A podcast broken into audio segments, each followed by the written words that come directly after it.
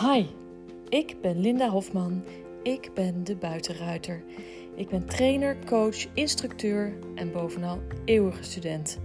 Ik leer iedere dag van mijn paarden en in deze podcast neem ik je mee in mijn leven met mijn paarden.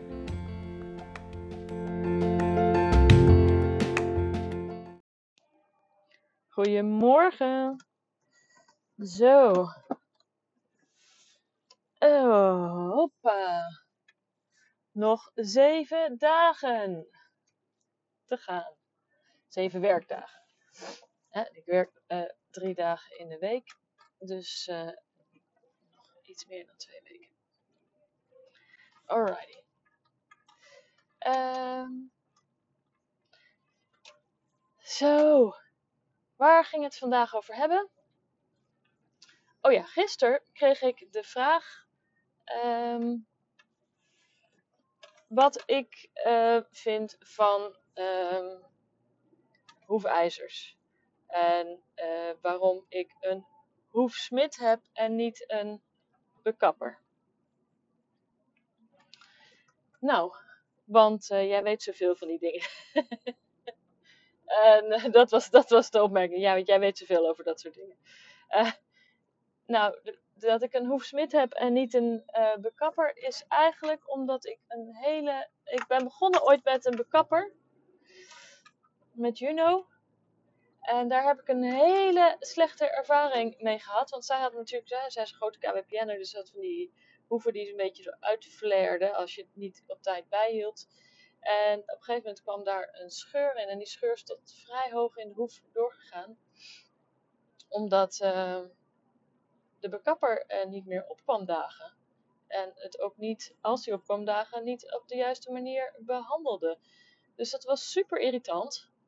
Uh, ik heb echt uh, op een gegeven moment eindeloos zitten bellen, contact opnemen. Zelfs zitten googelen of er misschien iets met hem gebeurd was. Dat hij daarom niet meer reageerde op mail en op telefoon en wat, whatever. Um, maar daar heb ik dus een hele slechte ervaring mee. Plus dat ik uh, vind dat uh, hoefsmeden ook kunnen kappen. Dus waarom zou ik niet gewoon iemand um, voor mijn paard kiezen die allround is en die alles kan? Want een hoefsmid hoeft niet te beslaan, die kan ook gewoon bekappen. En um, ik heb paarden gehad die. Nou, ik heb Juno, die moest dus een ijzer om die hoef te herstellen. Nou, dat, uh, omdat er een scheur in zat die veel te hoog was en ver was doorgelopen. Um, nou, dat kan een natuurlijke kapper kan dat niet. Um, dus uh, moest er een hoefsmid bij komen. Um, daarnaast heb ik, wil ik iemand die gewoon uh, een goede opleiding heeft gehad. En bij een bekapper is het niet zo duidelijk wat voor opleiding ze hebben gehad. Het is namelijk niet. Uh, nou is hoefsmid ook niet meer een uh, beschermd beroep. Maar um, de meeste hoefsmeden die hebben nog wel de officiële hoefsmedenopleiding gedaan, zeg maar. Um, ja, en als een, een hoefsmid goed is, waarom zou je wisselen? Ik heb, uh, dus ik heb Juno gehad, die uh, moest op een gegeven moment uh, ijzers, omdat, uh, nou alleen voor, omdat ze um, die flare had met die scheur erin. En om te zorgen dat dat niet verder scheurde. En Rinze, die had rondom ijzers en die heb ik langzaam afgebouwd. zodat hij op blote voeten liep. Uh, Nina heeft gewoon altijd op blote voeten gelopen, ook voor de wagen. Ging prima. Ja, die Welsjes hebben knijterharde hoeven, dus dat gaat allemaal prima. Uh, Lakos hey, heb ik de eerste drieënhalf, drie, ja, ja, jaar denk ik wel op uh, blote voeten gehad. Totdat het niet meer ging door onze lange afstandstochten. Omdat hij uh, daar gewoon harder sleet dan dat hij bijkwam. En omdat ze bij ons in de hit staan ze of op het zand of uh, op het beton. En met name op de betonstukken rondom de voerstallen, daar staan ze gewoon veel uh, te draaien en te doen. En daar slijten zijn hoeven enorm hard van. Dus hij kon bijna niet meer lopen toen wij uh, in januari 2020 terugkwamen van onze rit langs de IJssel. kon hij op de terugweg, de laatste twee kilometer, jongens, hij kon alleen nog maar door de berm lopen, want gewoon het asfalt was te pijnlijk aan zijn voeten. Dus uh, dat was wel een dingetje. Toen heb ik ook gezegd van ja, ze hoeven zijn nu zo kort, daar moeten gewoon ijzers onder om ja, je zat ook in de winterperiode, dus dan groeit er ook heel weinig aan. Dus er moest gewoon ijzers onder op dat moment en die zitten er nog steeds onder. Uh, omdat hij zoveel staat te draaien op, uh, op beton, heeft hij dat gewoon nodig. En omdat we die uh, lange tochten maakten. Ja, nu even niet meer zoveel lange tochten, maar wel veel buitenritten natuurlijk. Dus, um, ja, dus hij staat rondom op ijzers. En Amarok, um, nou, zoals ik het, zover ik het nu kan zien, uh, hoe die zich gedraagt, uh, kan die op blote voeten blijven staan. Uh, het enige is dat hij een beetje scheef afsluit achter. Dus ik moet even opletten dat hij daardoor niet een verkeerde stand van zijn achterbenen ontwikkelt. Dus hij moet wel even bekapt worden. Maar ja, dat, daarvoor heb ik inderdaad een bekapper nodig en een hoefsmid nodig. Dus iemand die het allebei kan. Dat is eigenlijk de reden. En om ja, ik heb uh, drie goede hoefsmeden gehad. Na een één slechte bekapper tegen drie goede hoefsmeden. Die gewoon heel allround waren en echt naar het paard keken wat het paard nodig had. En het is, dan is het echt helemaal niet zo dat ze altijd meteen het ijzer eronder gooien. Um, bij Lakos had het niet opgelost kunnen worden met hoefschoenen trouwens. Mensen zeggen, ja, maar je had toch hoefschoenen kunnen doen? Nee, omdat ze dus in de hit actief bij ons veel beton staan te draaien, um, uh, heb ik niks aan hoefschoenen, want die kan die niet, daar niet aan. Dus daar staat hij het grootste deel van de tijd. Dus daar slijt hij het hardst. En dan de lange tochten eroverheen, dat maakte het uh, dat het niet meer ging. Maar um, in principe uh, maakt eigenlijk de, de, hit actief voor hem, slijt hij daar te hard in. Als hij alleen op de wei zou staan, zou het al anders zijn. Dus dat is, dat is eigenlijk de reden dat ik kies voor een, een hoefsmid die allround is en ook goed kan bekappen en ook andere oplossingen kan bedenken. En, uh, in plaats van een, uh, een natuurlijk bekapper die alleen maar kan bekappen. En hoefschoenen misschien kan aanmeten. Maar uh, ja, helaas zijn er toch nog best wel veel paarden die ook gewoon beslagen moeten worden. En de opties die we hebben,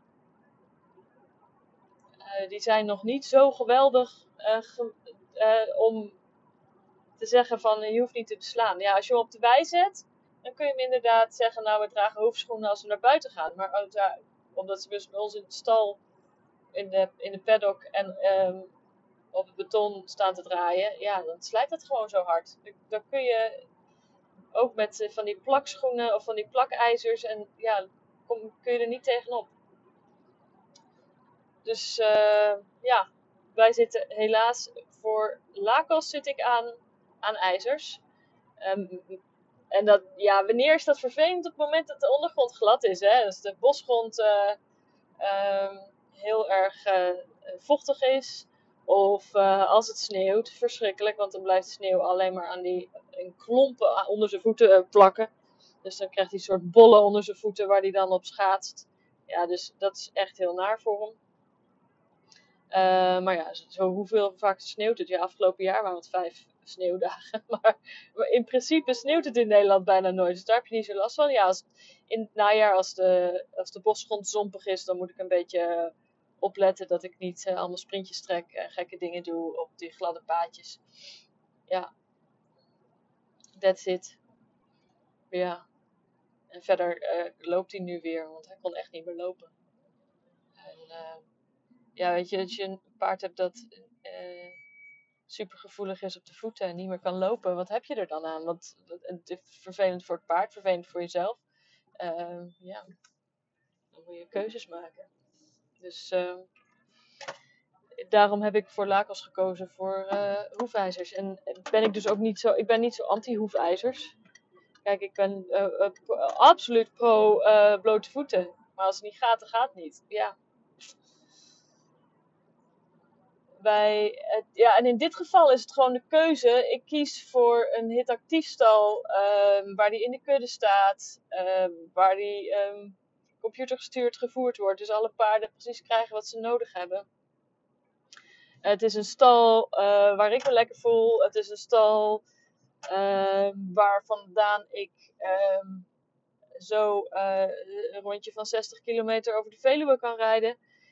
nou ja, dan doe ik dat niet zo vaak. Maar ik bedoel maar, we hebben echt enorme uitrijmogelijkheden daar.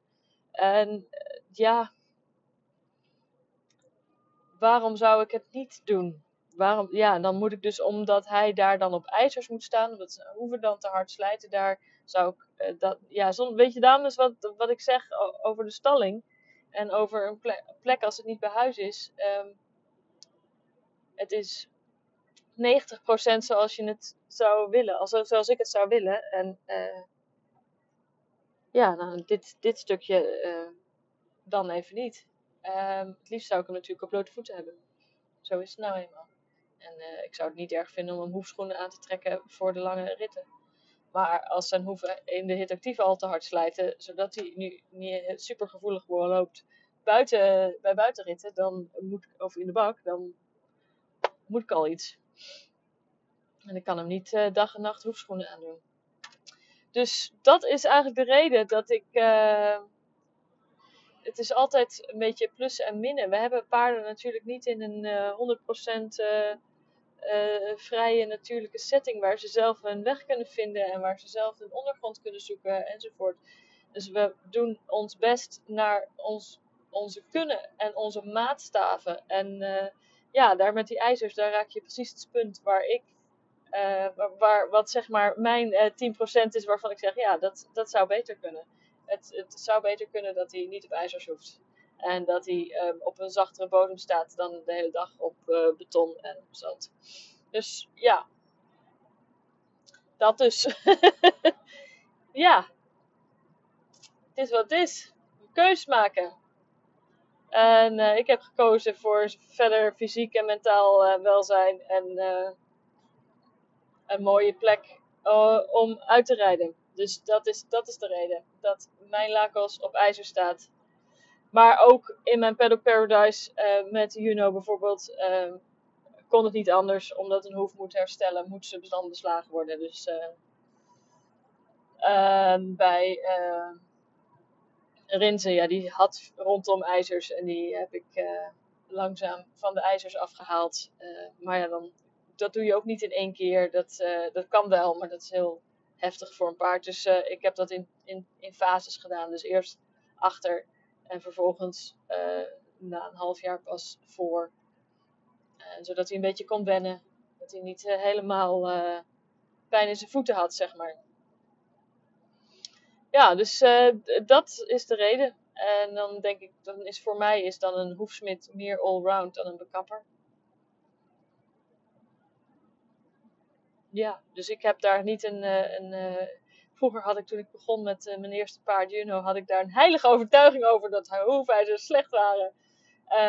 En in de loop van de jaren heb ik gezien dat je soms gewoon moet.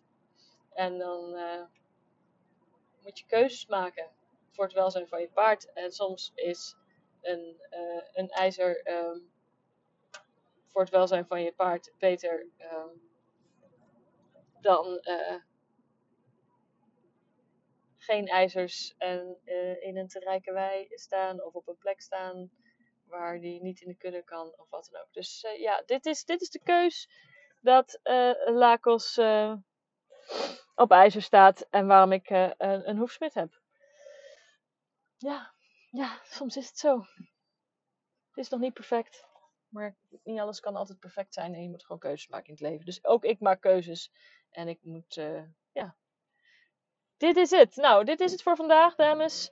Ik spreek jullie morgen weer.